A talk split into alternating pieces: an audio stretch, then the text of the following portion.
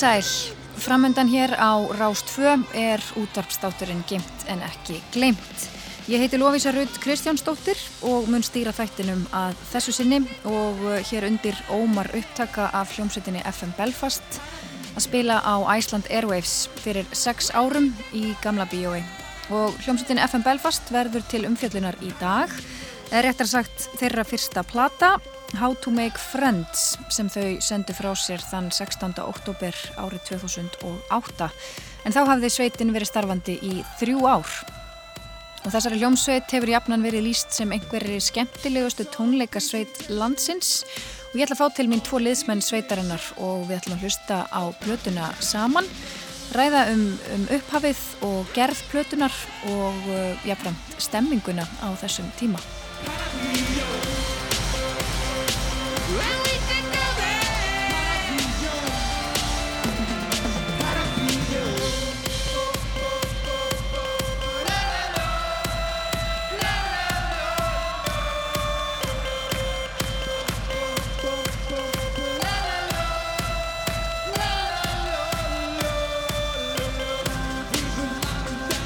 Lóa Hlín Hjálmtísdóttir og Árni Rúnar Hlöðverssonar hinga komin til mín verið velkomin. Takk fyrir. Takk fyrir. Hvernig leiði ykkur að heyra svona þessa, þessa upptöku? Uh, bara, já. Já, bara vel. Já, bara góða tímar. Já. Herðu, við ætlum að fjalla um ykkar fyrstu plötu, uh, fyrstu plötu FM Belfast How to Make Friends hér í dag og uh, mér skilst sko að í raunin eru þið tvö upphafs menn sveitarinnar og menn og kona og þetta hófst alltaf einhver jólin er það ekki rétt til mér? Jú, sko, við erum uppáðsmenn samt bara í nokkra mánuður sko. Já. Já, ég skil A og við komum fram einu sinni án, sko, örfas og átna Já.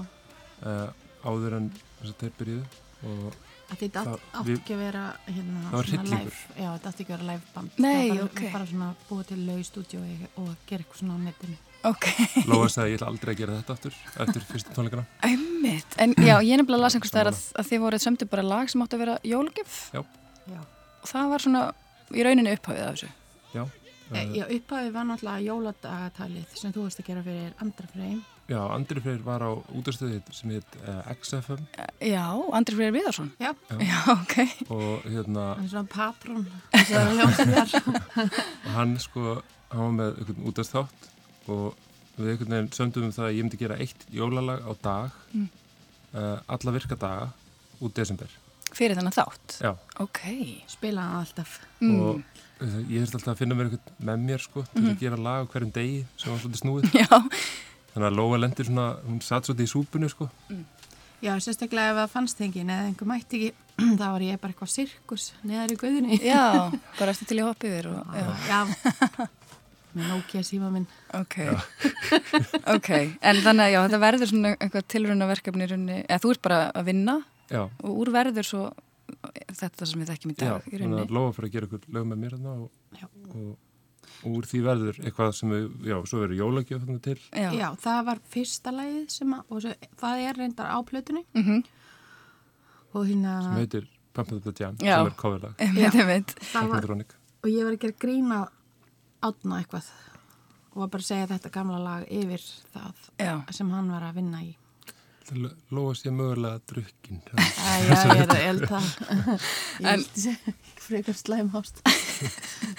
hvað sem þínum liður. Hérna, ok, og svo hérna, þetta er þá árið 2005 Já, og, og, og árið 2006 þá eigið að spila á Iceland Airwaves. Já. Þannig að það er greinlega eitthvað sem gerist þannig í millitíðinni. Já, við gerðum eitthvað svona, við brendum eitthvað diska og svo bygg- byggum við til MySpace síðu já, teiknum eitthvað. sem var enda frábært, á MySpace síðinu var bara svona spilari og þar voru fjör lög Mhm. og, og fólk hætti spila þau og fólk fór eitthvað svona að spila þetta og, og hérna, bæta okkur sem vini Akkurat, góðið tímar. Já, uh, og það voru Egil hjá Mr. Destiny sem að hafði heyrt þetta Mhm. og hann stoppaði bara lögunum og sagði hérna, uh, herðu, vil ég ekki spila Airwaves? Uh, jú, já, já Já, Já, ok. það. Og þá hérna, þurftum við bara eiginlega að retta okkur, þurftum bara að finna út úr í hvernig við ætlum að gera þetta. Einmitt. Uh, við, við höfum spilað einu svona áður og það var hræðilegt. Við vildum ekki gera það aftur. Þannig að við sem bara, ok, hvernig finnst gaman að koma fram? bara, örvar er eitt obvious choice og átni er annað mm -hmm. algjörst obvious choice. Ummitt, við ætlum að mynda að fara kannski hans yfir hérna liðsmenn sveitarinnar Já. hér Já. eftir öskamastund. En svona ef við byrjum á blötinni, svona því við ætlum nú að hlusta á hana og fara hans yfir hana. Uh, fyrsta lagið heitir Frequency Mhm.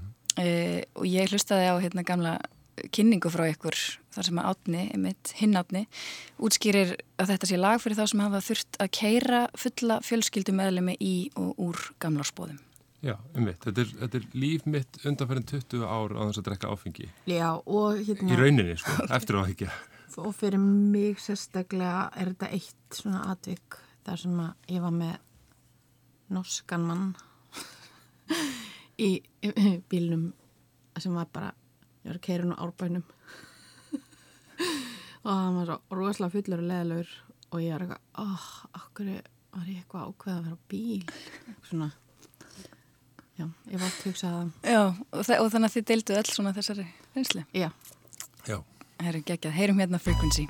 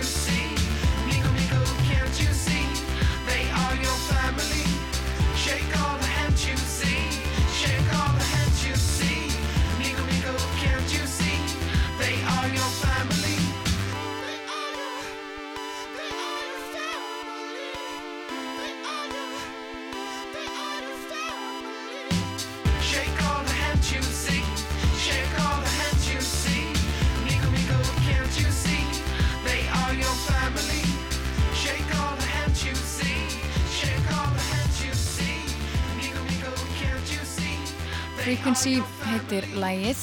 Um, mér langar að spyrja svona hvernig, hvernig vinnur hljómsettin FM Belfast? Eh, sko, Átni er náttúrulega eh, duglegastur að vinna. Já. Þannig að hann er eitthvað búin að búa til úrslega mikið af lögum og svo sittum við svona einhverju prinsar og veljum okkur að þetta, þetta er flott. Mm svona, Þannig að eins og þetta lag var kannski alveg bara tilbúið Já. en það vantaði einhverja smá já, og svo kemur innihaldið inn í það setna, eða Já. sagan. Mhm. Við vinnum það oftast þannig, sko. Ég Já. framleiði bara eitthvað lög Já, og hérna og flegi megnaði Já, og ok. hérna og svo uh, eru, gerum við texta yfir, Mhm. yfir lögin eftir á sko. en einmitt, við ætlum að fara hans, fara hans yfir sko meðlum sveitarinnar sem er alveg meira en að segja það sko. Ég var að, sjá, að bara, þú veist, afla mér upplýsingar sjálf og, og svona þannig að við teljum við öllu upp, þá er þetta þú, Lóa, Átni, uh, Örvar Þóriðarsson Smárasson, Egil Eyjólfsson, Ívar Pétur Kjartansson, Björn Kristjánsson eða Borko og svo Sveinbjörn uh, Tórarensen, en jafnvel einhverju fleiri, svona í setni tíð. Björn. Stefáns líka, Já. Já, ási, Ási Þórðar. Já, uh, það- þetta er sko við höfum yfirleitt bara reynd að fara í þær ferðir sem að bjóðast þannig að ef, ef að við fáum okkur bókanir þá förum við bara og finnum út í hvernig við getum populæta hljómsveitina og þetta er oft svolítið snúið og það hafa í rauninni allir einhvern tíman ekki verið með Já, þetta er náttúrulega mjög mikið af fólki. Já. þannig að það Já. er- uh, Já, við höfum spilað án allra. mér er þess að skipa ég fyrstu tónleikur mérum í, í fyrra Vá, já, stórt skref já, ekki tímita mér. Ég var að fyrra, var ekki hittir. Já, var eitt fyrir, já. Já. En einmitt, sko, en er ekkit súrt, þú veist, að svona, herri, við, þú kemur með núna og ekki þú. Og það er svona að, velja, Það hefur yfirleitt kannski ekki endilega verið þannig heldur uh, hverjir komast og það er yfirleitt mjög nálagt minimum sko. já, ég skil. Já. Frá því að fólk er almennt upptekið í öðrum verkefnum. Mhm. Bjössi er hérna, með sitt eigið, Mhm. uh, Örvar er í múm Já. og þetta er svona, það eru allir með eitthvað. Já, En þú veist, þess að vera ekki með, þeir hafa farið án mín og það trubla mig alveg einstaklega lítið. já, ok. Af því að, uh, ég veit það ekki, ég hugsa ekki alveg um þetta eins og að það er, maður sé nöðsynlegur, beinlinis. Þetta er bara eitthvað svona lífvera sem að virkar í ákveðnum samsetningum. Akkurat.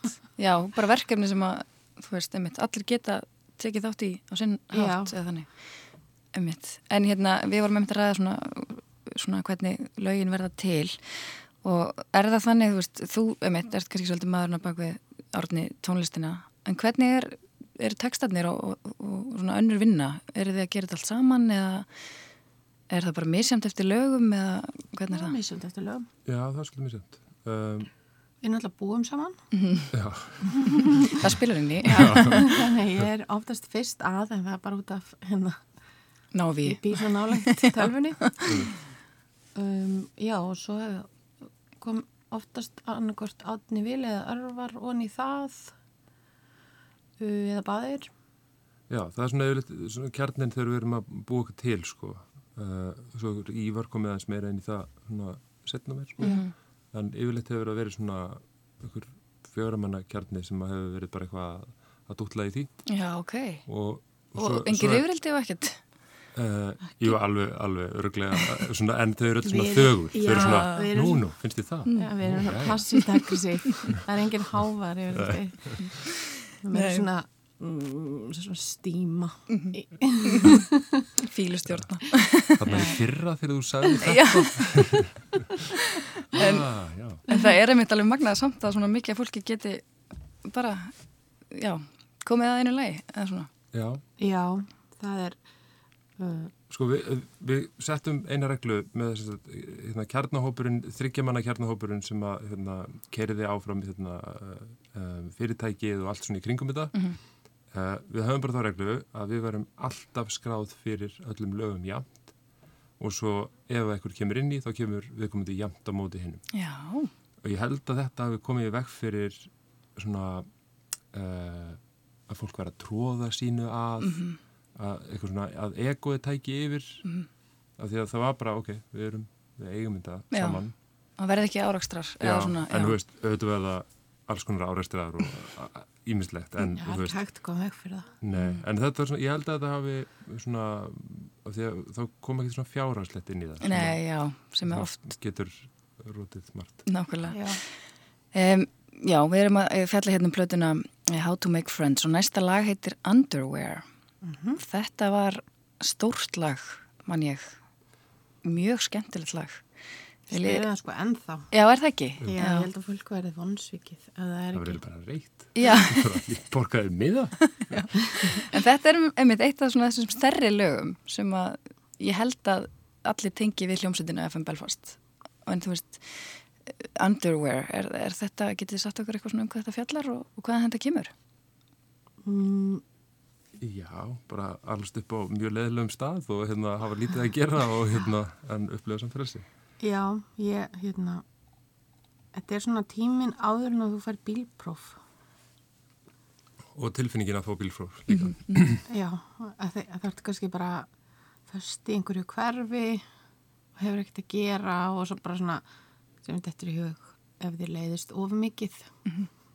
Sko, fyndi að skildi segja þetta því að ég er með hérna, undir höndum uh, dóm sem að Traustin okkur Júlíusson skrifaði árið 2008 sem heitir Parti í þannig. Og hér segir uh, tekstarnir eru mjög skemmtilegir. Þeir mætti lýsa sem húmorísku sjónarhortni á smá eh, eiga einangrunina Alltaf samanlum. sem er svolítið lýsandi um fyrir þetta. Ég var stundum að skoða kort og var í alveg með svona ránkumundir að þú gætir róið árabát yfir til Grænlands þegar lítið þannig út og langt. það er ekki það langt Það er ekki brú. Smá svona landa fræði minnskilningur. Já, einmitt. En við ætlum að heyra hérna lagið Underwear og, uh, og þetta er svona einmitt uh, því að hlaupum göttunar á, á nærbúsunum. Já. Er Það ekki bara? Held ég. Ég myndi reyndir aldrei gera það. Ekki heldur. Ég myndi setja í svona innkaup að gera eitthvað að hlæja, láta eitthvað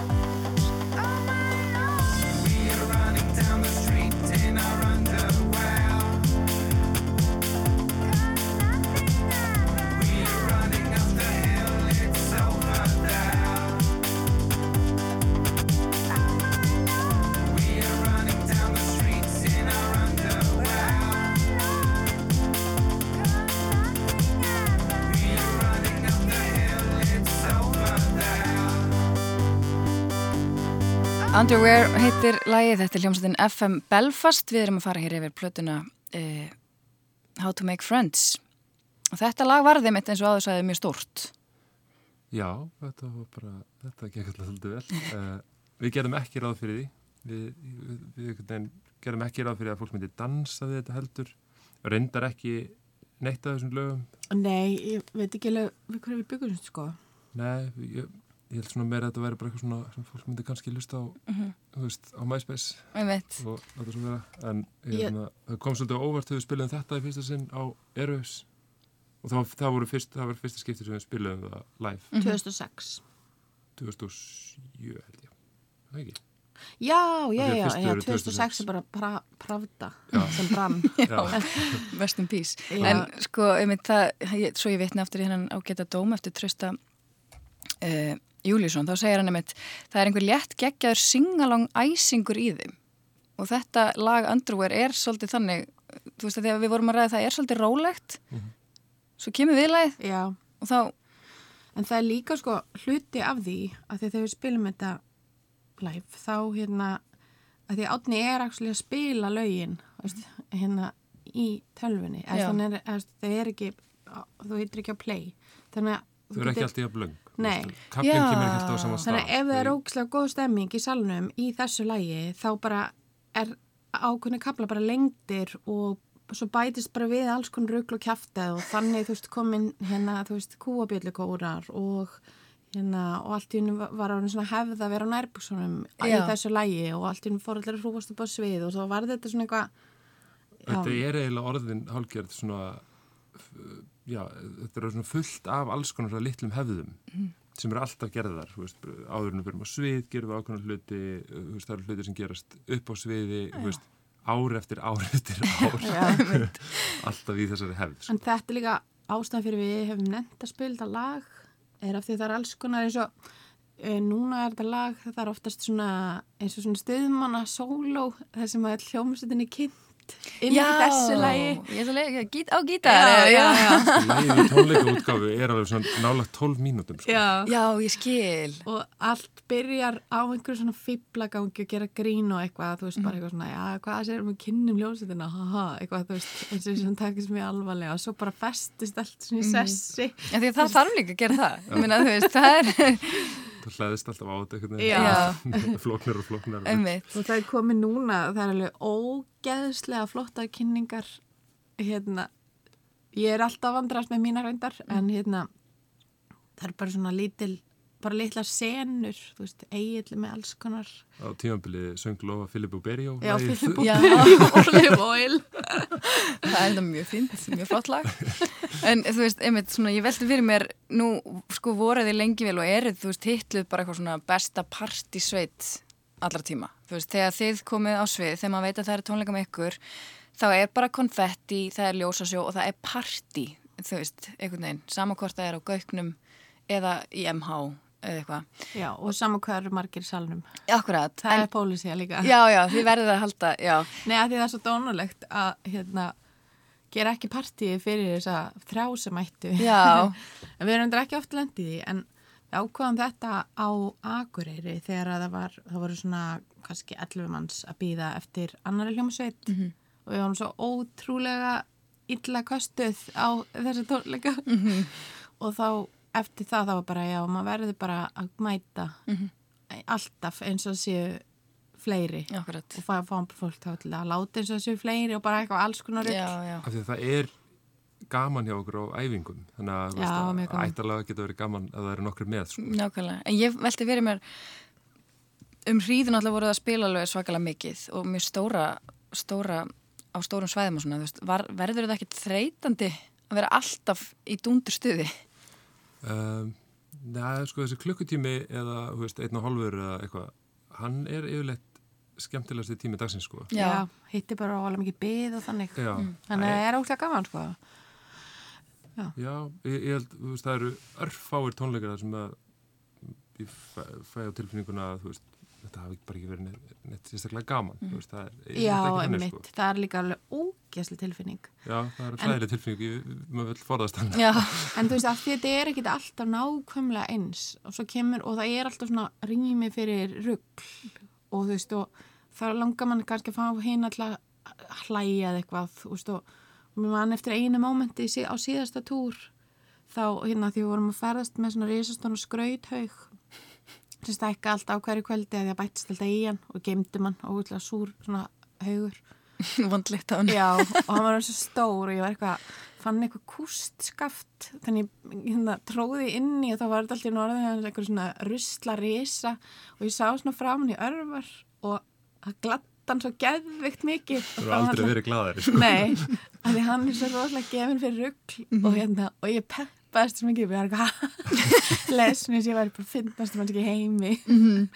En þið gefið eitthvað svolítið frelsi líka bara á sviðinu, bara til að Já, í þetta rugglemið. Það er líka bara svona, svona, kannski eina reglan er bara að það má ekki taka svo of alvarlega. nei. Þú veist, það, það var alveg og það, maður þarf ekki að setja út á það en bara það voru mjög margir að taka sér mjög alvarlega Já, á þessum tíma. Þannig að kannski verður þetta líka svona eitthvað að berjast við það og fara aðeins á móti og vera ekki of cool. Þetta er bara, þú veist, bara svona missa vitið frekar. Já, það, finnst það skemmtilega og líka bara, ég fæ bara svona þrá ekki hugsanir um að þú veist, að detti bara glerið úr öðru sól, sólglirunum mínum eða þú veist, ég, ma- á svona minningar að vera unglingur og ætla að vera geðveikt kúl og svo bara lækkaði í mér rostir bara maður fá fugglaskýta hausin og eitthvað. Og fallið svo ógislega hátt eða þau tekur alveg Alveg sko. þannig að það er mér svona örgar að taka sem Já, kannski var þetta bara örgar leiðir. Já, nákvæmlega. þetta er meira safe En það er líka speglast síðan út í sal og þá er, þá er maður einhvern veginn móttækjalegri til að vera astanlegur Já. sjálfur. Það er miklu betra. Líka þess að því Átni Vil var með svona alls konar aðferði eins og að láta mann syngja hérna, Red Red Wine í bílnum hjá sér og eitthvað svona. Já, af því að sko þú, og ef þú gerir það þá ert ekki cool lengur Nei. þá þarfst ekki að reymbast við það lengur þá getur Það þú bara mest vitið. Og líka bara, þú veist, eins og bara upp á það að eins og þegar við vorum fyrst að spila þá koma allt svona spaðaliðið. Og spaðalið hefur rosalega lítinn áhuga á einhverju sem er ekki cool og flottast hérna. Akkurat. Þannig þú staldrar stutt við. Já, það er þeir- sko. Já. þau fær sér bara á nýtt og nýtt og eitthvað þannig. En fólk sem að maður tengi meira við og er svo kannski ekki að miklu spaðar þau eru neina svona tryggari vinnir bara eins og í Þískalandi þú veist það, það var ég eitthvað svona já það var volið mikið svona stutturmabóla lið. En þau eru bara fólk sem að mun eldast með þér. Já, og þú mynd hitta aftur og svo kynnist maður sumum þeirra og eitthvað. Já. þetta er ógæslega gaman og mæta fallegt bara ár eftir ár. Já, eftir Já. það. Og tryggur alveg rosalega. Já, það er kona sem kemur föt sem hún saumar handa barnin okkar alltaf þegar hún kemur á tónleika í Stuttgart. Já, Vá, hvað það er sætt. það er bara, hvað er hún orðin stór? Sendi með Facebook skilabá bara, já, núna er hún orðin 128. Já, það verður hann einhverja litla húi eða náttföti eða eitthvað. Vá, ég, mér finnst þetta er, þetta er opsilega fallið. En við ætlum að heyra hér næst lag, þriðja lagið á plötunni uh, How to Make Friends með FM Belfast sem heitir I Can Feel Love. Og þetta er svona ástalag í grunninn eða hvað? Já, þetta er eitthvað svona, ég var um til að hugsa um þetta áðan í, í bílnum þegar ég komst að við hefðum átt að hlusta á plötuna Það er mér ekki nefn. og þá Það er hérna, heima vinna. bara að hugsa að ég held að þessi lýsi bara svona, svona því þegar allt gengur upp, þegar allt er pínu næs. Já, ég kom ekki nálega þessu lægi, sko, þannig ég get ekki sett neitt. Ég kann bara spila. Já, um þetta, þú ert ekki að þessu lægi. Nei, þú, hérna, þetta er miklu verið svona lægið þitt. Átt þú þá texta og lag? Uh, já, Ekki á kannski. stef, en þú áttu það. Kannski, Hvað sem þínu Árni líður. á örugglega eitthvað líka. já, jú, já, auðvitað, já, já, já. Hann, hérna, Hann spila líka á trómu heila í þessu lægi. já, emmitt. Átni Vil. Já, Hann ég, sagði mitt, þetta er lag um mann sem verður ástfagnari eftir því sem hann drekkur meira. Já, emmitt. Meikar það eitthvað? Já, Já, heyra það næst.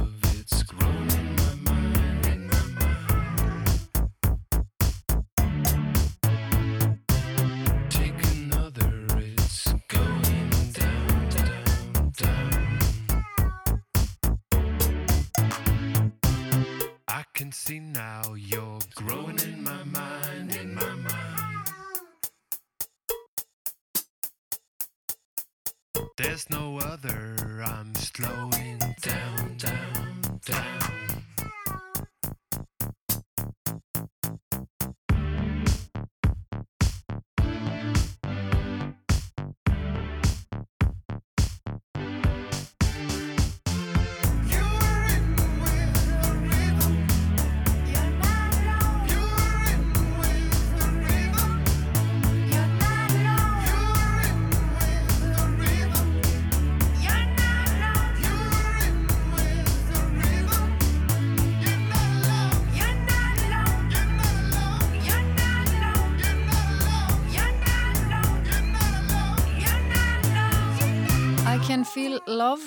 Love heitir lagið, þetta er fjóraða lagið á plötunni.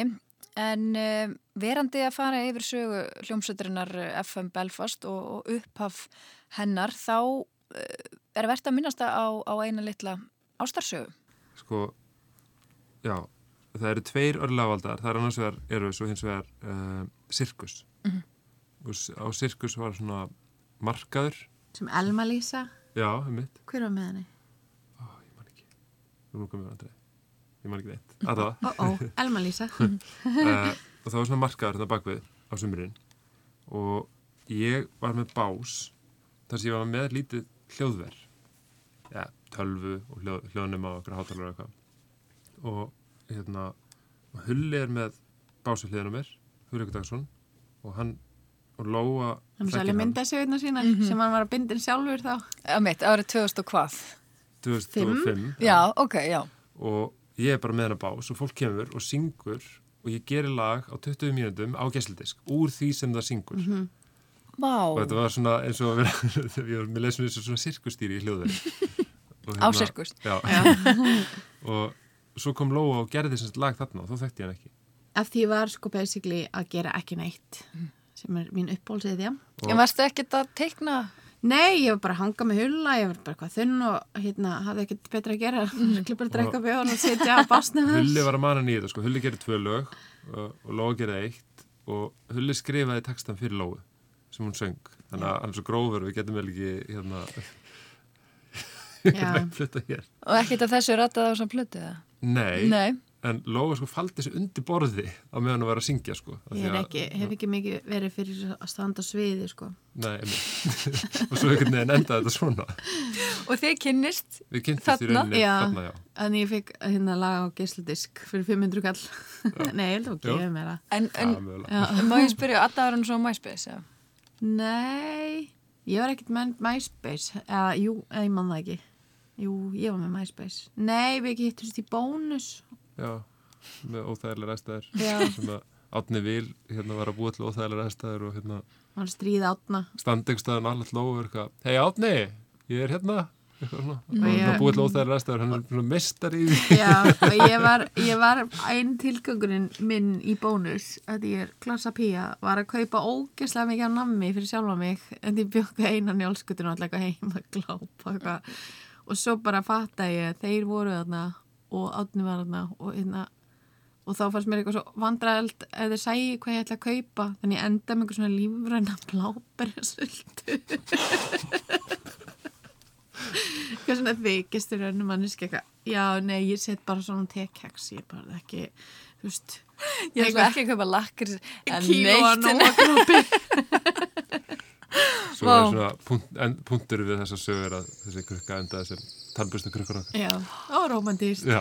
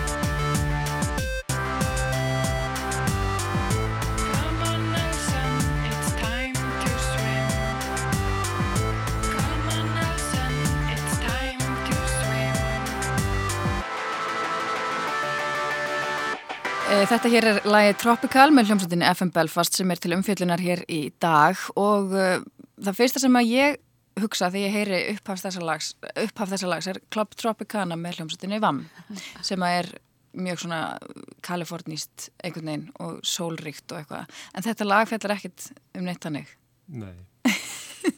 sko, já, þetta fjallar um færiðar. Já, því við vorum í færiðum. Já, og sko, fyrstu tónleikundur okkar voru þar um, í Helli. Nú, í, Í hérna, Gjegv, já, eða Gjá.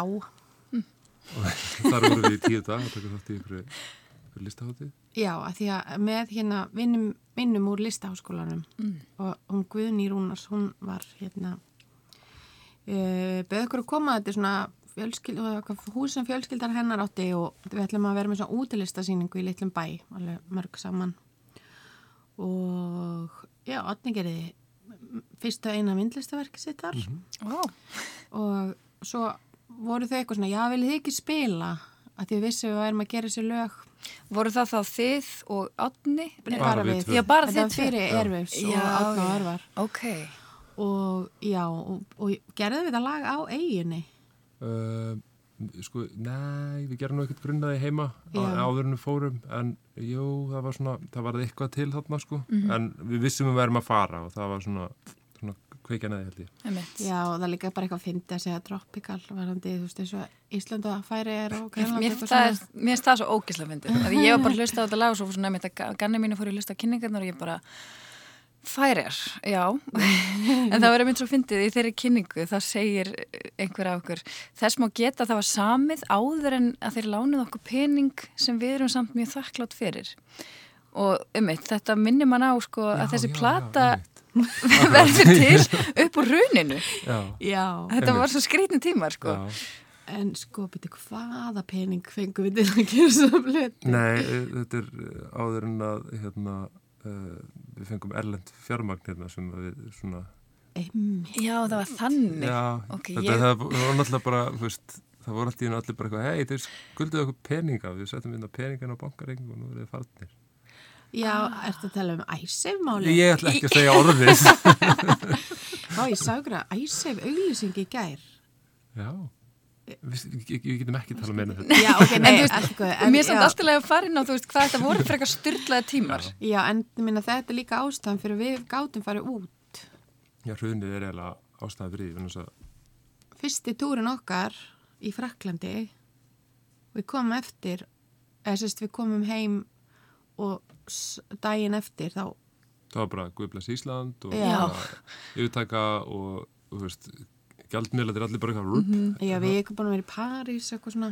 Og var eitthvað við heim. Bara, Pæltið ef, að- ef pundi verður 180 þegar við komum heim eitthvað svona, það var bara, þú veist, 220 Já. eða eitthvað þegar við komum daginn en eftir. bara styrla, sko, þetta var alveg styrla við hérna, En settið, fóru þið einhvað, þú veist, þurftu þið eitthvað að hæja okkur og bremsa? Eða- Nei, ég sko, þetta var ábúrslega við erum aldrei átt pening. Þetta var nefnilega lán í ólunni sko ég segja. Þannig að við, hérna, við vorum bara búin að vera bara fátaki gegnum veist, allan uppgangin við áttum, áttum ekki neitt og vorum bara veist, að reyna að lifa þessu. Það gekk ekki sérstaklega vel sko. Og svo þegar hrunni kom og þá náttúrulega hækkaði, hækkaði allir aðrir gjaldmiðlar gegn krónu. Já, efran sérstaklega. og þá allt í innu bara, já, ok, þá getum við farið og spilað og komið út í pluss Já, ég skil. Þið nýttið ykkur þetta bara til Já, framdráttar. við erum bara svona eins og sjáurútuður Já, ég, mér leiði eitthvað mjög ítli við því að því þekkti fólk sem var að missa húsin sín og eitthvað svona og ég var eitthvað að tala um þetta við mömmu. Mamma sagði, já það er alltaf náttúrulega einhver sem að er í betri stöðu í kreppu. Og þú veist, það er bara þannig alltaf, að því að þú ert kannski bara á skjön við eitthvað og þá er eitthvað, eitthvað hræðilegt allt í einu orðið þér í hag og mann líður asnalega með það. Mhm, Nákvæmlega, það er, því þú ert bara eitthvað, já, efurur en ég minna það hefur gildað sama um alla sem voru að vinna með, veist erlend, hvaða útflutningur er það, fiskir? Já, fiskur. Já, fiskugræðir að já, líka. elskar mig Já, já, góða. þannig að við varum ekkert að gera neitt af okkur. Nei, nei, en ég mitt, en sko við förum kannski núna næst uh, nokkur ára aftur í tíman, þetta er, þetta er árið 2008, uh, árið 2005 þá eru þið svona að búa, byrja að búa til tónlista því að næsta lag er lagið Pump. Já, það er að- fyrsta lagi Það er fyrsta lag hljómsveiturinnar FM Belfast. Já. sem var bara eh, svona ömurlegt mál fyrir svona, hvernig, hvernig það skráði þetta? Ég hugsaði Bara, þetta mitt. Já. já, þetta er sem sagt ekki lægið, Nei, en þetta er textin. einmitt, sko fyrir þá sem ekki vita, það kannski, já, þetta er belgiska sveitin Technotronic þetta er það ekki, Technotronics Technotronic. já, þetta er byggt á, á lagi eftir þau, sem sé. sérst textabrót Já, Já, svona við og við, ekki í réttir röðinu sinni, þannig Nei, að þú veist, hérna, ég hugsaði bara, vá, ok, við erum bara kærð og eitthvað, en við bara skráðum lægið á þau. texta Já, þessu textan, já. ok, þannig að þið lendið ekki neinum, Nei, nei, andra. það, það bara var alltaf læg. já, þú, þú mátt gera coverlög en þú, mátt ekki rukka stefgjald að þeim Svoleiðis. Jeps. Herðu, við skulum bara heyra hér næst fyrsta lag hljómsveiturinnar FM Belfast. Þetta er lagið Pump.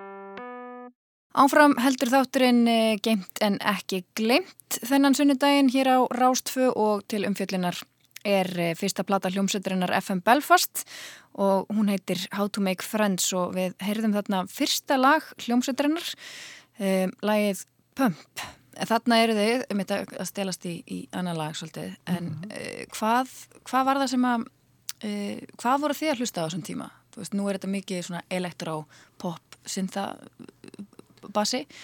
Hva, hvað var það sem að svona, hvað voru þið að hlusta á á þessum tíma bara?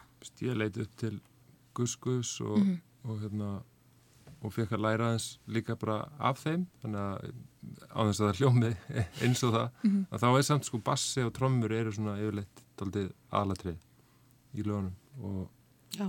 hérna ég svo sett í tónlistinni Já, Ég hlusta bara á Cat Power, svona einmitt. ég skil. allt annað. en það var, já, var alls svona bara eitthvað Will Oldham og eitthvað þannig Já. Já. líka hlust á það var bara eitthvað svona algjör súpa af, af teknói, elektrói og svo eitthvað svona country eða svona Já, einhverju fólktóti og Já. En og svo einmitt, lengar reglur sko. já, akkurat, en svo eins og áður hefur komið fram margi meðlumir og þú veist, hvaða, hvaða hljóðfæri voru svona til grundvallar? Ég meina, þú ert þarna að búa til tónlist í, í, tölvunni með synþum og, og þessu öllu. En svo minnist þú á, á kúabjöllur og lóa já. og fleira. þú veist, hvernig var, var þetta og er þetta uppbyggt? Halli Siguleik var kórstjóri í langa tíma. Já, þessi í kúabillu Kúabillukórin. Já. Og það var mm, miklu leiti bara Retro Stefson eins og hún lagði sig. Þau komu, tengið alltaf bara við NASA Já, sem er búið að rýfa.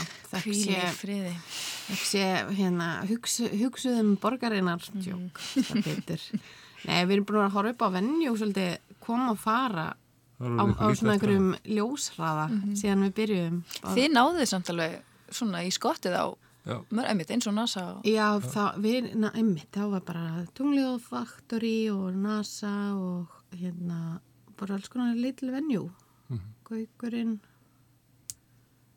og uppi á hérna, mm, það sem að Bravo er núna, það Já. við spilað það líka. einmitt, svo Sem bara kíki 22 ég- Já, Já. já, einmitt, einmitt. Það voru alls konar, það var alltaf eitthvað, en minna, borg, kannski Reykjavík, svona aðli borgarannar er svona. Mhm. Hún er bara breytist svona, hratt já, og, já, nákvæmlega en já, þannig að í grunn, ég er að spá bara svona, þú veist var svona hefðbundin eh, og er hljómsveitar uppsetning bara þessi er á gítar Nei. þessi er, að því að tónlistin er svo alls konar Já, sko, Já. Unnsteinn, hérna Manuel, hann túraði með okkur og hann, hérna, hann var að spila gítar. Já, það, það er svona í livesjónu sko. Livesjóið er með alls konar, það er með trommur og Já. bara, þú veist, við hefum við hefum tekið upp eitthvað percussion, við hefum yfirleitt ekki tekið upp trommundar sem bara, þú veist Já. Eiríkur Orri, ég glemt að minnast að já, hann á það. hann hins vegar spilar eiginlega yfir Já. sko, mjög mörg lög á þessari plötu já, ok, uh, Á tromp. Eiríkur Orri það er blástur Já, og hann Já. hefur líka spilað með okkur live. Já, hann er komið heilmikið með sko. já, en það er rosa mikill munur á plötunni og svo livesjónu, þetta eru bara svona sikkur einingarna sem Já. að já, tengjast ekkert mikið sko. Og líka fólk sem hefur verið kannski að hlusta át á Spotify núna og er eitthvað uppgöt á hljómsveitina, þess að við séum einhvers svona ný, nýtt band. Það er síðan komið á tónleika og það er bara, hvað var að já, einmitt Það er, er svo svakalega ólíkir heimar. já, nákvæmlega það er bara svona, það er bara svona grunn svona viðmið í rauninni, Já. lægið, það Já. er ekki Já, það er bara langt frá að vera heilagt sko. það er bara eitthvað sem styðjist við rétt svo Já. og svo, já, Og líka átni er náttúrulega búin að vinna svo mikið í lögunum og þú veist, bæta þau og, og gera þau þéttari fyrir liveshow að því að það væri, það væri miklu svona róleri tónleikar ef Já. við myndum spila lögin eins og þau actually eru. nákvæmlega. Næst er einmitt lag sem ég get alveg ímyndað mér að þið leikið eitthvað svolítið með á sviðinu sem er Par Avion. Og ég veit ekki, ég kveikt á þessu bara þegar, veist, þegar þessi þáttur var svona eh, framöndan og, og ég fekk bara svona gæsahúð, þú veist, ég verðandi busi í MH á þessum tíma. Þú veist, þetta var eitthvað svona alveg styrlað þegar maður heyrir upphaf stefið í þessu lagi. Og svona auðmitt eins og þessi áður nefndi singalong Já, þetta er rosalega auðþekkjanlegt upphaf á lagi.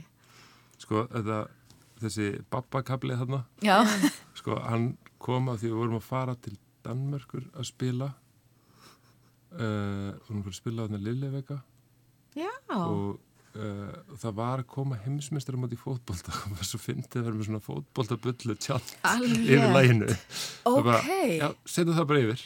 Og, og svo kom það bara yfir.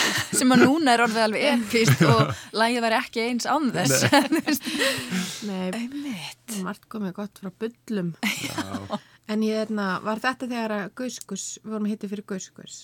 Já, Já, já, já. Þá var Sveinbjörn Pálsson, hann kom þá og já við byrjum spilaði, með og já, hann, á. Já, hann sko, hann, það var eiginlega það var eiginlega stórkostlegt atriði því að hann, hérna hann ætlaði bara að næs og setja vatn á svið á henni færum á svið svo ætlaði hann mögulega að koma inn á svið með kúabillu svona Þegar var komin meiri stemming. já, já, já. um að hann einhvern veginn svona fer upp á svið og fer inn fyrir borðið mitt sem er fjast inganginum og hann hérna festist eða það því að við komum sér upp á svið Mm. Og það fannst eitthvað óþægilegt kannski að veist, komum sér þannig þannig að hann stóð bara þarna. Og svo, Byrjuði bara tónleikarnir. svo byrjuði bara tónleikarnir og hann svo að ok, ég, ég fer ekkert, ég stend bara hérna og fylgist með. Mm.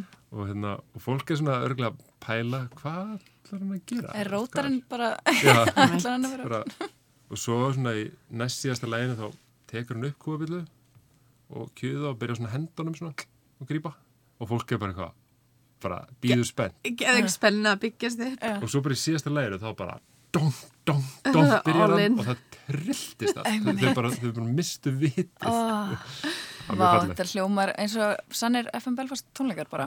Ég hugsaði um þetta að því þegar ég fór að sjá fyrsta sinn átna við leika hjá, með kriðpleim að því hann var svona karakter í Guy. Einmitt. að því hann er með dóta haustnum og þú ert að pæla í manni á sviðinu sem er ekki að gera neitt mm ógislega lengi. Já, sem er samt alveg fyrir þér. Eða þú veist, þú spáir svo mikið í honum Já, af því að hann af því þú setur ekki einhvern á svið á þess að hann hafi tilgang. Mhm.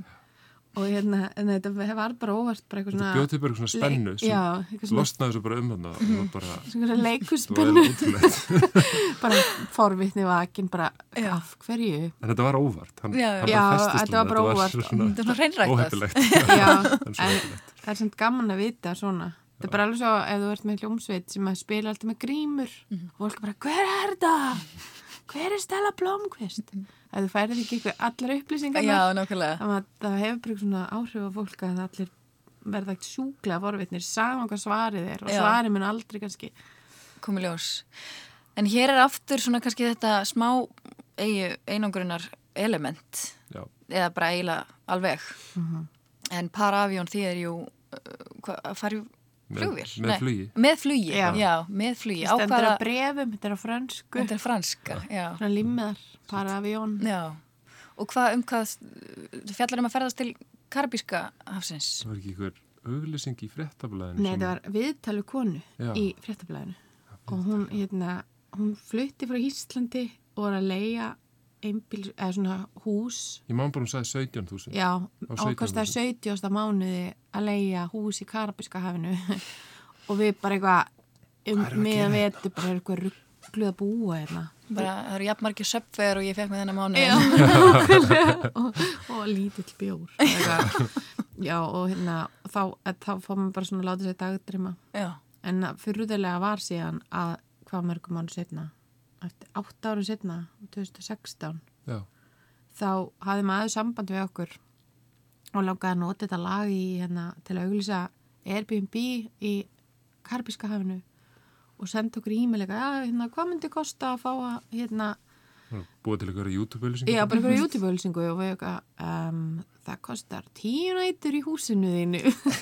Vá. og hann bara eitthvað, já, geggjað og þannig að við og Ívar Pétur og Sigrún og strákurinn þeirra og strákurinn okkar fórum bara einhver svona kvantvísisferði sem ekkert varum að gera. Endum á eigu bandarísku gerðum mér þess að beina útsendingu þaðan og vorum með DJ-sett og Lóa söng líka við það og eitthvað svona, það var mjög gaman. Já, Þannig að þetta lag svona- gaf ykkur, kom ykkur svo Já. alla leið. Já, þannig við endum actually í Karabíska hafinu og bara, þetta er ótrúlegasti staður sem ég fari, á, fari á á ævi minni að því að það var, Ótrúlega það var bara strönd var engi ferðamenn nema við og ef þú syndir svona til sjóin og horfið tilbaka þá er bara þess að horfa bara eitthvað Jurassic Park eitthvað svona Bara, bara eitthvað skói vaksin eiga og bara eitthvað turkislita haf. Þetta er bara eins og eitthvað þetta er alveg ótrúlegt. Og að því við erum að nefna ISAF þá uh, þetta var akkurat þegar Panama-skilum voru og við horfðum yfir á Tortóla.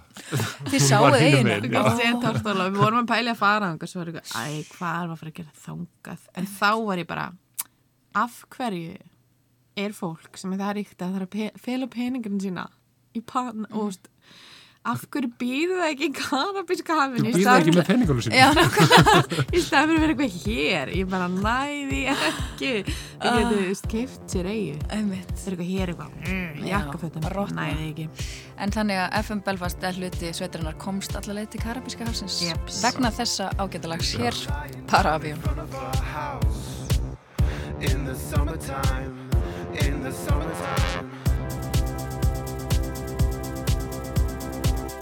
I wish I had a house in the Caribbean, the Caribbean.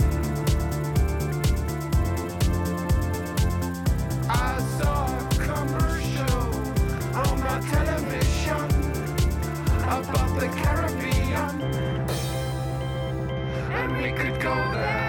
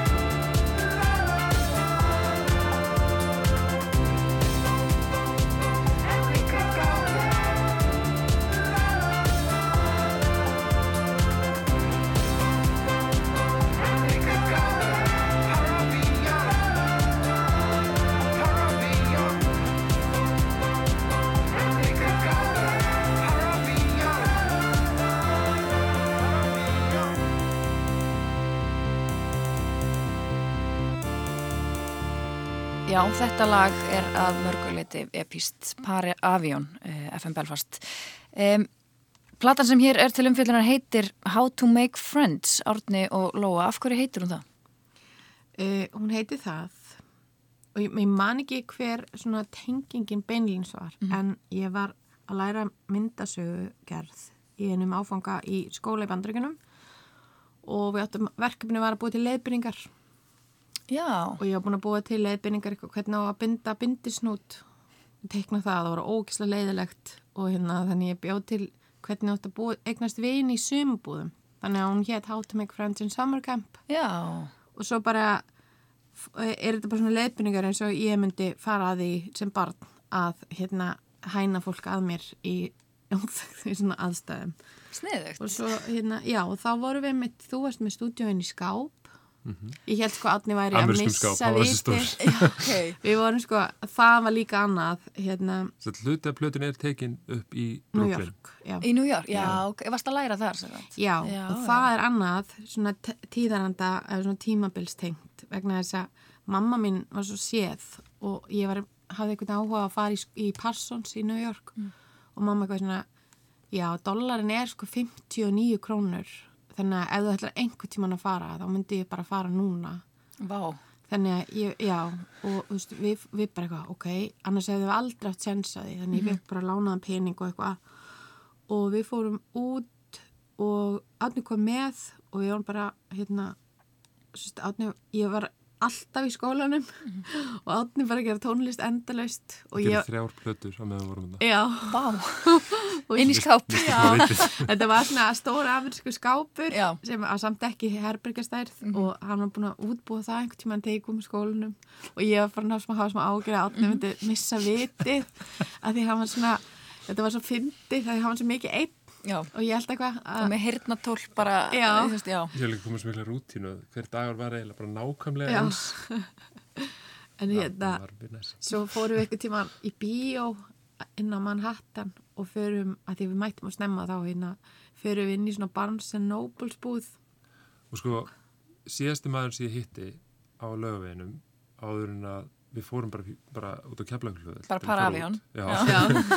var Lógi Petró og pappars. Og Já. Lógi Petró var bara, bara lítill, sko. Það var, eða þú veist, það var bara, hann bara unglingunasti Já. já bara barely, sko. emitt og hérna, við bara, já, herðu bara við sjáumst bara eftir, þú veist þetta er okkur tíma og eitthvað svona og þau eru, þú veist, ég hefði verið að taka upp hérna með Rettur Steffsson og eitthvað svona og um, svo bara förum við þarna út og við erum eitthvað fyrir bíó kíkjum inn í þessu búð. Já, og ég er eitthvað svona að skoða eitthvað og ég sé átna svona að gnæfa yfir bókahillu og hann er bara svona að tala við sjálfan sig og þá var ég eitthvað svona, "Á, ok, nú er hann bara endanlega, óh, það er bara ómikil einvera og ég bara, hvað er hann að koma okkur út í? Og svona, nema ég, að því ég sé ekki loga, því hann situr þá er Lói Petró inn í bókabúðinni hann situr ykkur random í rauninni þarna. bara ofan á tímaritinu sem ég ætla að sækja Já, ég skil, ok. Nei, er að tala við hann og ég er bara eitthvað, kem bara eitthvað, hvað, sé loga, eitthvað, hæ en við, sérst, já þá ákveðu þeir bara eitthvað fekarnir að fara í óvendaferð Já. Já, og ok. Bara, já, Sei, sei. Það En, skemmtilegt. sem sagt, já, How to make friends. Já. Hefði þið kannski upprunalega verið bara How to make friends in, in summer camp? Já, það er bara ekki... það er svolítið langt Já, það er líka, það er þessi skemmtilega að, að hafa hluti opnari, Mhm. svona til tólkunar. Já, en það var þessi plata, hún uh, gaf okkur mjög marga vinni, sko. Já. Þetta- hefur bara virkað okkurlega. Þetta er ógslag vinalegt hérna konsept, myndi ég halda. Okay. en hérna, já, en ég man eftir, ég man eftir þessari myndasjá, hún eru glengstur hún í kassa. Hérna, en já, þú náttúrulega fegst mjög mikið tíma til að vera þarna, að einbytta þér að, Já, að sko, þessu. að því ég var að gera svolítið ég fór Já. Já. og ég ætlaði bara svona að halda því áfram en þess að ég ger ekki ráð fyrir er að þegar þú ferð, þá ferðu líka úr haustum á fólki Já, Og ert ekki fysiskt til staðar, já. og hérna, þannig ég var bara, já, hvað er það er bara ekkert að gera mér. En, einmitt, svo var hrunið. já, svo Já, svo það. Þannig að allt, hérna, þannig að þegar um vorið er, er dólarin komin upp í 130 krónur, þannig að all leiga og allir skólinn og allt var bara orðið alveg helmingi meira og allt og mikið. Þessi þáttur heitir Líf okkar og gjaldir. en ég minna, þetta er bara skreitin tímar. já, hérna, ef, efna, Efnahags ástand FM Belfast.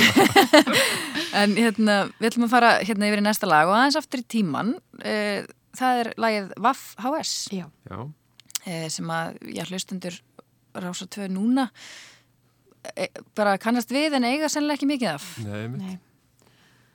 Já, þetta er líka bara svona ástasöngur til svona forma, eitthvað svona, af því að maður kannski tengist einhverju formati og svo er það bara farið af því að þróast alltaf allt.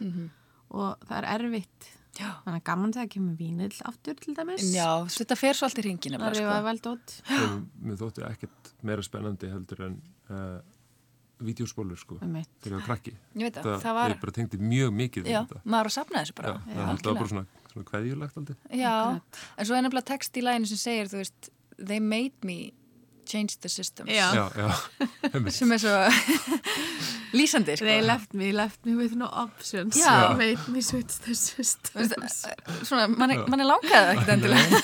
Nei, að því að ég hef alltaf hatað DFT-diska Þeir voru líka skamlífir. Já, Já, þeir voru það, já. af því það er eitthvað svona sem endar undir hælanum að þér Mhm. og fyrir óskipulagða Já. það er auðveldra að vera svona böðull nálagt svörstum plastuklumpum heldur en eitthvað svona rispu drasli þú leða ekki. Já, já. Ég veldur aldrei fíla geisladiska. En þú fílar Vaffaðs, Já. heyru lagið.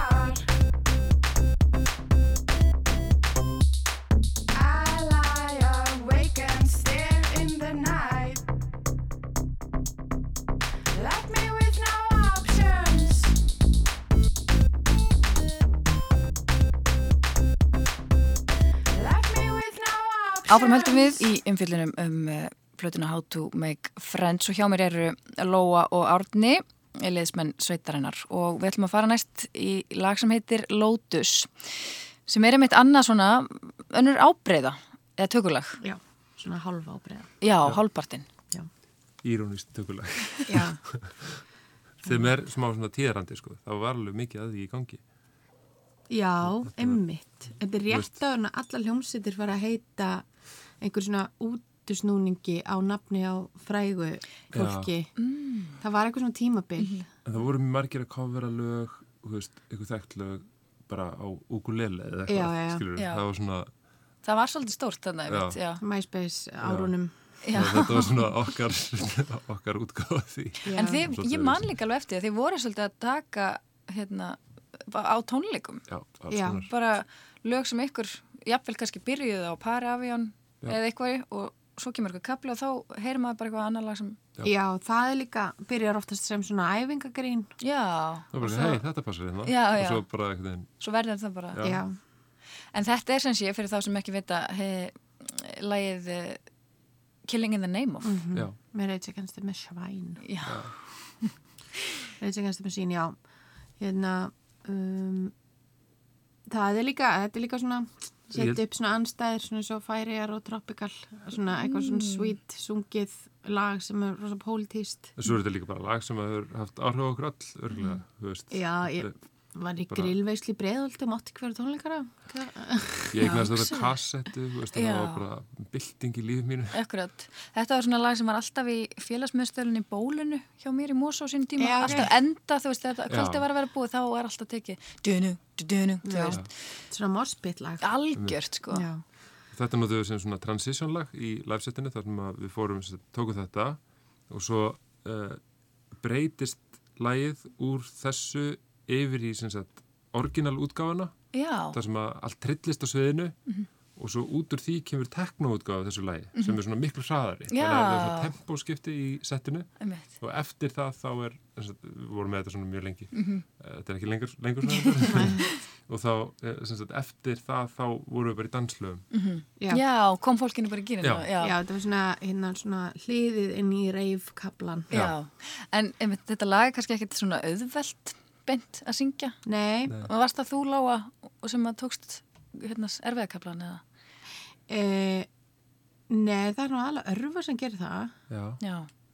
Ég hef sko eiginlega eiginlegt á mér hálsin bara innan sem utan í þessu Mhm. að því ég var eitthvað búin að tella mig trúum að ég var ógslag góð í að gera vindmiluna, ég var mér rosa sítt hár og, og alltaf daginn eftir bara eitthvað, ó, hvað það slæm hugmynd bara, uh, Bara aldrei aftur. já, en samt bara alltaf aftur Mm. og að öskra svona, svona death metal svona, hvað heitir rættbeitingin? Hérna, uh, hvað heitir þetta maður? Það heitir eitthvað ákveðið sem að Já, grál. Já, Já, grála. Já, já. ég ætla ekki verið góðið því þannig að ég var bara svona eiðilegja hálsina mér svona í gegn með, með því að hérna ganga köflunum í þessu lagi. Já, en þetta er nefnilega alveg frábært lag og bæði upprunlega og ykkar. Og það, þetta lag, þessi, þessi bara, já, ykkar útgáfa af þessu lagi rataði nefnilega á hérna, eh, heimasíðu breska tímaritsins NMI, tónlistatímaritsins sem er mjög virt Ég, og stórt tímaritt. sem ég vissi ekki fyrir en uh, þess að það var líka í blaðinu. Já, Já, ég var bara eitthvað að fletta blaðinu Já. sem að, maður gerði alveg þá. Og Já, var já. eitthvað, uh, við erum í blaðinu. Já. við vorum í New York. Og það var svo skrítin tilfinning að vera eitthvað ha, veitu, þú veist, þetta er svo stórt, þetta sko, þannig, eða þú veist, get ég ímynda mér fyrir ykkur sem er með bara eitthvað fjallum að vera hérna, á eiginu í litlu Já, ballarhafi. En hann segir hérna, sem sagt, e, tónlistardómarinn, það var lítið sem gatt heilla mann eftir að hafa hort gapandi á stóra fossa heita hveri og grófgerða dalina.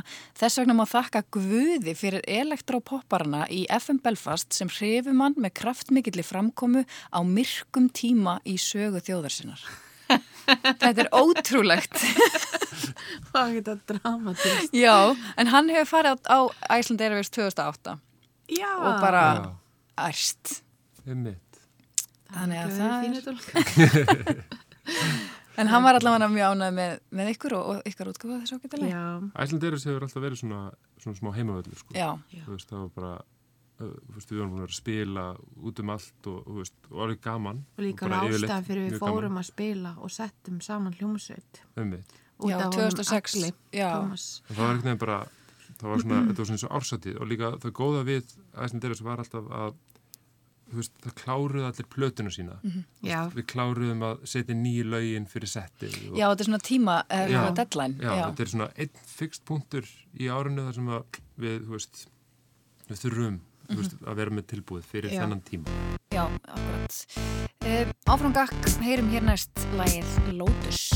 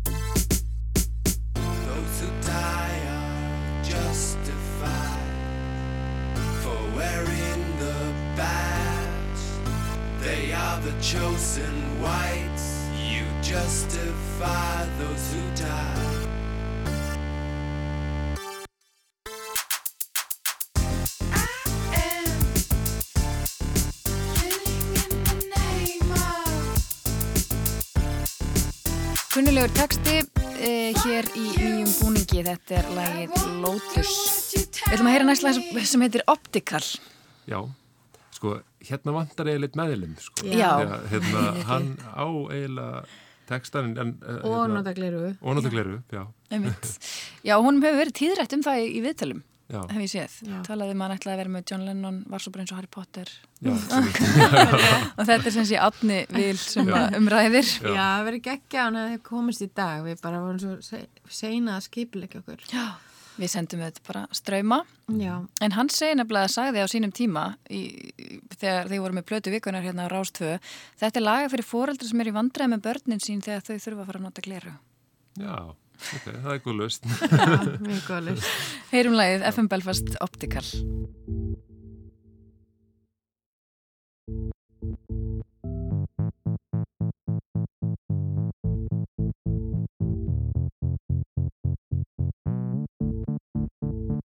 Are you losing your sense of direction?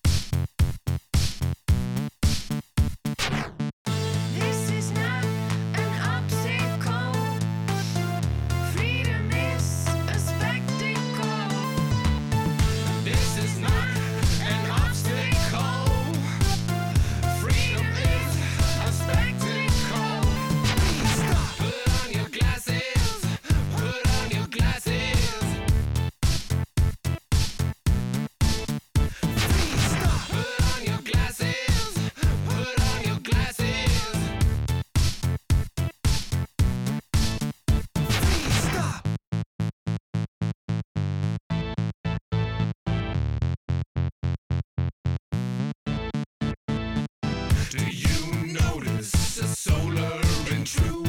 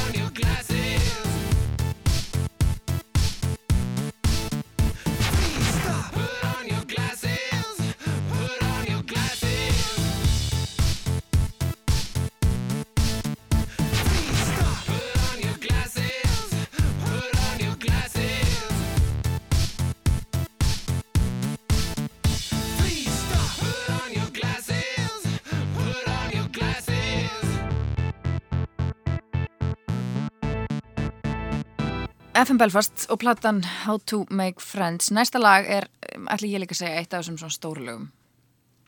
Já, þetta lag endaði í Astropíu.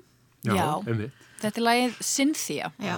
sem er svona annað svolítið sing-along og, og mikið stuð, mikið smellur. Já, sko, þetta, þetta er náttúrulega sorgasaga, sko, Já. í rauninni. Við eh, deildum svona hérna, stúdíórými með alveg hellinga hljósundum og það voru Trabant og Guskus og Múm og Ghost Digital og bara alveg hellingur. Og hérna og það voru svona synthesizerar fram á gangi sem lágu svona undir skemmtum og þetta er eiginlega bara svona ég held að það hefur byrjað þar sko. Já, minnir en hann er rauður Já. þessi sérstaki sem að við skerum Sintíu Já, þetta er óður til, til hans. Já, og átna langaði að bjarga þessu tókst það? ég bjargaði öðrum Ok. Já, eh, ég man ekki samt alveg eins og með lægi sjálft. Ég man ekki um textan þetta er í smá móður sko. Ég er ekki Já, alveg að muna móðu, hvernig þetta en þetta var þarna í Starmýri þar sem við vorum í stúdíó. Já, en ég held þú veist eins og ó, ó, ó, hann að kaplinn Já. ég held að það sé allt bara það sem er einhvern veginn pín að gera grín að poppi og svona húkum og að ég allt, við hefum nálgast alls konar, þú veist, bara hérna hluti þannig, eitthvað, já, gerum hérna íkorna Eurovision lag og eitthvað, við hefum alltaf gert eitthvað svoleiðis Já, ég Þetta er líka alveg svona slatta pródúsarlag sko, svona með við mörg önnur. Hinn er kannski ekki svona mikið pussuð sko. Já. En þetta er svona eitthvað búið að gera eitthvað með rattirnar og snúið þeim við og búið til einhverja effekta og, Já. og þú veist, búin að pizza til sko, þannig að, að því að það var bara það ó, ó, ó, Já, og svo kemur aðeins neðar. Já, og það er bara pizzað niður, því það var svona, það var gaman að fá lóðu til að syngja, nei, nei. leikum okkur bara já. en það er svo mikið með í lögunum eitthvað sem er svona eins og áður hefur verið komið fram hérna svona singalong. Er það eitthvað sem gerist með, þú veist kannski á æfingum? Eða er það eitthvað sem að þér dettur í hug þegar þú ert á sinnþónum átni eða þegar þú ert að svona mixa lagið?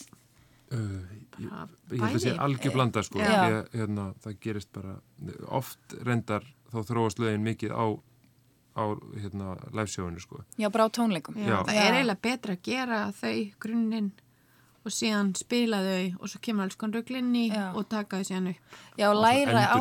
Já. með áhörvendum og allt sem kemur svona eitthvað sem mann dettur í hug sem passar inn í sem var, er kannski erfiðara að búa til ef þú situr upp í stúdíu og ert eitthvað, já, ég ætla að gera lag það svona. er svolítið gott að mæla lögin svona, Já. Við, Já. þú veist, ég bjóð við hliðin á sirkus já, og þekkti marga plötusnöðuna þannig ég fór oft með lögin bara þú veist, og bara svona testa það, vissi ekki hvað þetta var skilur þú veist, það var engin að og bara svona Það tjekka, það var mjög stressandi sko, það var alveg svona bara, hvernig bregst fólki við? Já. svo alveg. kemur kannski bara eitthvað mixi vera eitthvað handónýtt og bassin kemur bara fretar og maður, þú veist, maður er smá stressaður. En, hérna, en það er oft það var svona góð leið, þú veist. Átni Svins var alltaf að spila eitthvað fyrir mig þú veist, lítið fokkur disk og hann bara, já, eitthvað mál, já, setta á og Þetta er einu, sniðugt. já, þetta er einu skiptin í lífinu sem ég hef hérna fylst að valdagræðiki Uh, sjáu þið þeir dansa?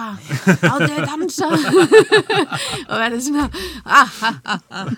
liðið svona eitthvað já, ég fekk þannig tilfengi menn sérstaklega eftir ég á kaffibarnum þá voru urðallir úslega spennti fyrir einhverju lægi og ég var svona, na, svona ofmennaður svona, vera- svona ráðabrugga. Vá, mér finnst þetta, þetta er magnað. Heyrum hér uh, í FM Belfast hér er lagið Cynthia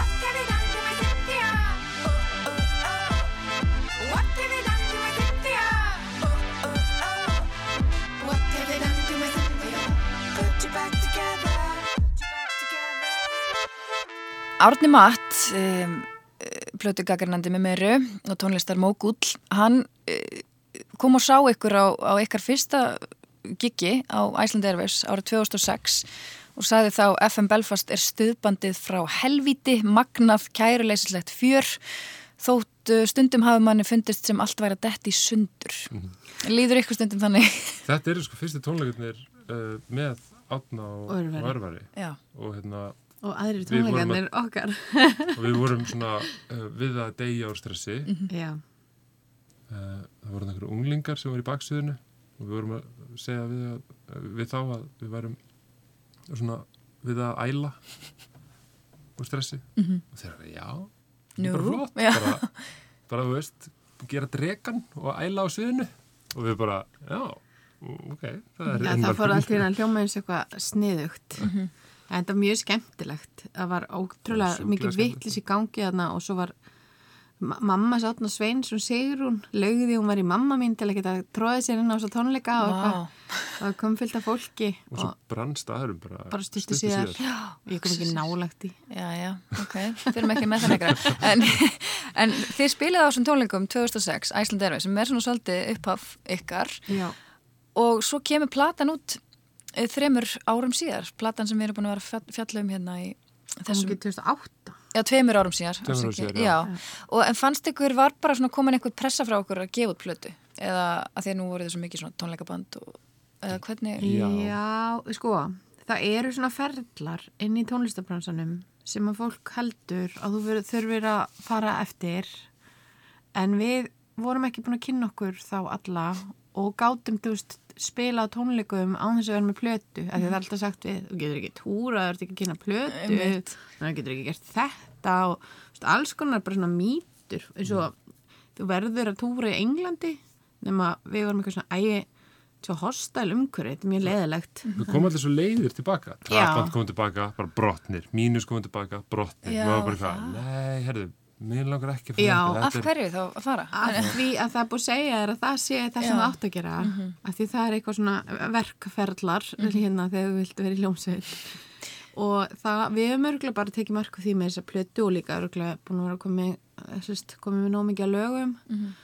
Uh, en, en við höfum eiginlega alltaf þegar við höfum gert hluti bara á einhvern svona, ég veit ekki alveg óskipilagan eða amatörískan hátti eða eitthvað, þá hefur það alltaf verið okkur í hag. Já, Við höfum kannski verið líka svolítið heppið með það. að Já, bara, við veist, mjög heppin Það með hefur bara það virkað, þú veist, við höfum, við höfum stundum ekki gefið út plötu í, þú veist, kannski þrjú ár eða eitthvað og en við erum að túra allan tíman. Veist, við erum að fara á festival og festivalin er ekkert að bóka neitt nema þau sem er plötu og, Akkurat.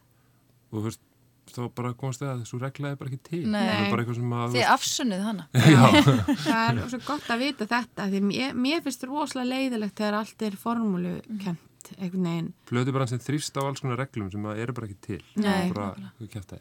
Þið, já, einmitt, bara lekuð fyrir dansi og ákveðu svo að gera plötu. Já, Það var Já. bara svolítið þannig og já.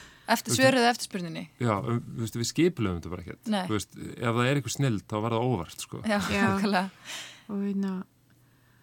Og já, það hefur hjálpað okkur mjög mikið að gera hlutina þannig. Og líka Og er- bara með, eins og með kynninguna. Átni fór með þessa plötu bara í alla búðir sem við fórum í. Ég fór sko og í og hérna, tópaksbúðina á hérna, bankastræti, Björk, Björk, já. og hérna, gaf honum plötur og fekk í staðin svona vindlakassa. Tók svo þessa vindlakassa og prentaði út svona, svona hluta af coverinu og svona, og, svona, svona gerði það á fína og bjóð til svona standa. Svo fór ég með þessa standa í allar fatabúðir sem að mér þótti líklegt að fólk myndi kaupa plötuna og, og út um allt. Og við sko mók við- þessum standum. best selda flatan okkar Já. og síðan annað sko síðan óvart svona jökum, sem ekki jökum Júkum, já, sem Já. jú, jökum hljóma svo fyrirlega hérna jökum við verkildi plötunar vínilplötunar upphálfu af því að við gerðum, við letum ekkert prenta meira þannig að núna er hún orðin sjálfgæf Ah, það, svo er það sniðut, sko. Já.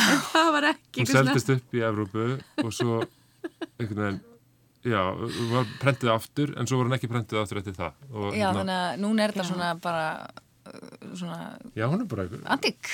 hún kostar bara Já. eitthvað, basically, eitthvað helling, sko. já.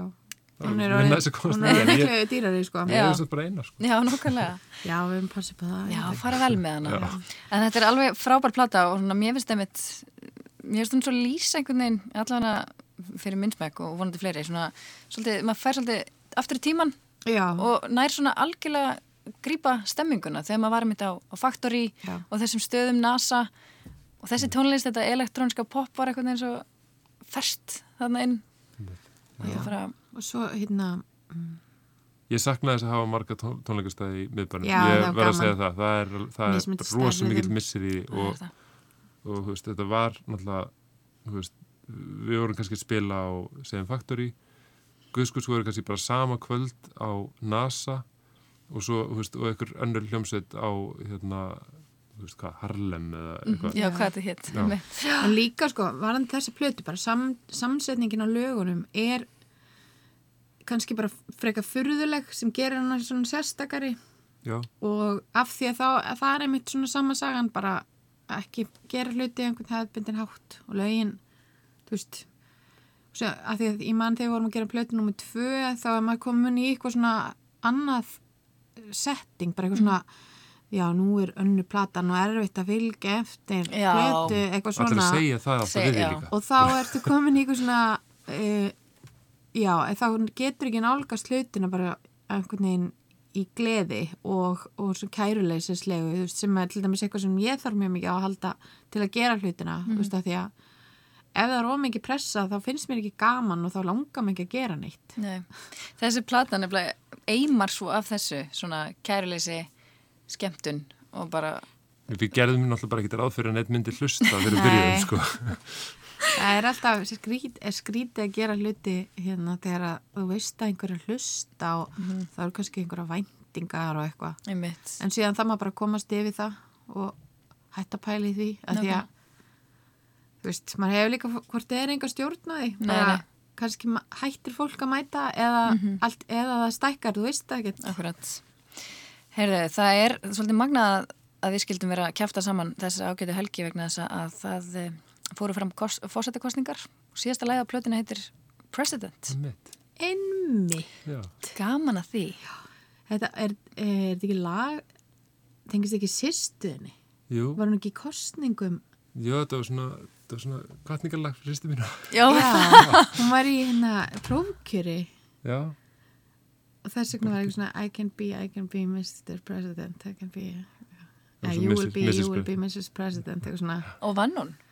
Uh, já, hún komst nú eitthvað, eitthvað eða vinna, ég veit það ekki. Já, þú veist, já. Nei, þetta var svona sé en að því að, ást Já, það gekk vel. já, já, ykkur, og það er FM Belfast að þakka. Já, já, já, já, já.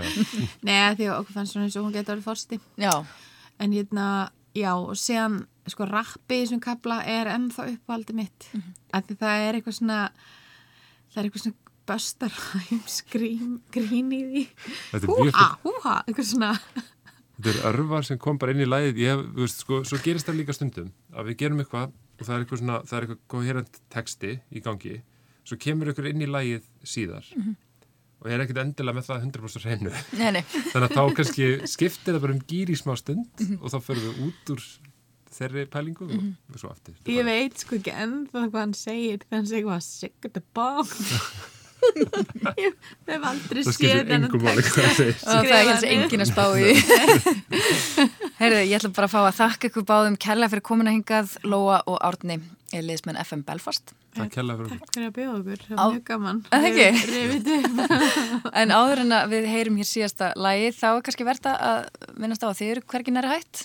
Nei, Nei, uh, við erum að spila í sumar já, uh, í Havari Við áttum nú reyndar að vera að spila ellendis í sumar en það hérna En það var svolítið sem, já, Já, en við höfum hvort sem Já. er spilað í Havari því að við erum búin að gera það núna í annarkvort fjögur eða fimm ár. Ég veit ekki alveg, það er að spyrja aðra að því. já, fyndi ennar svona heimisviðburður sem hefur áhrif á hérna hljómsveitina Já, að við vorum sko að spila í bandaríkjunum bara, bara í lok februar, bara rétt á hana allt skellur á og já, hérna, þið meini núna 2020. já, já. Ég skil, og svo bara sip ykkur heim og allt, Já. já. og hérna og vorum byrjað að gera svona eitthvað plön að fara aftur bandaríkja dæmi og en það er líka bara fyndið út af það er veist, maðurinn sem bauð okkur þangað er gammal kontakt í gegnum Airwaves 2000 og um mitt, 2007 eða eitthvað, skilur við tengist allt í gegnum það. Líka, já, að því að hérna að því við erum ekki að byrja, þú veist, maður á einhvern veginn, einhvern svona grunn að einhverju, svo að því við erum ekki svona, svona proaktífli að leita að túrum, Nei, skilur við, bara, já, það er ljóma skemmtilega. Leikið eftir eiranu bara, eða svona. Já, og hérna, já, þannig að næst, næsta dagskrá er Havari, Já, það er 25. júli já, það er ótrúlega gaman, við meiri sett ekki sveitaballarlið þar. Það er, Já. vá. og þá fyrir við svona út og ah, teima svo rúkur og svo það. hoppum við sér aftur það er mjög. Herru, við ætlum að- að heyra hér lokalag plötunar uh, How to Make Friends með FM Belfast lagið heitir President aftur Lóa og Átni. Takk okkur fyrir komuna. Takk hjá Takk.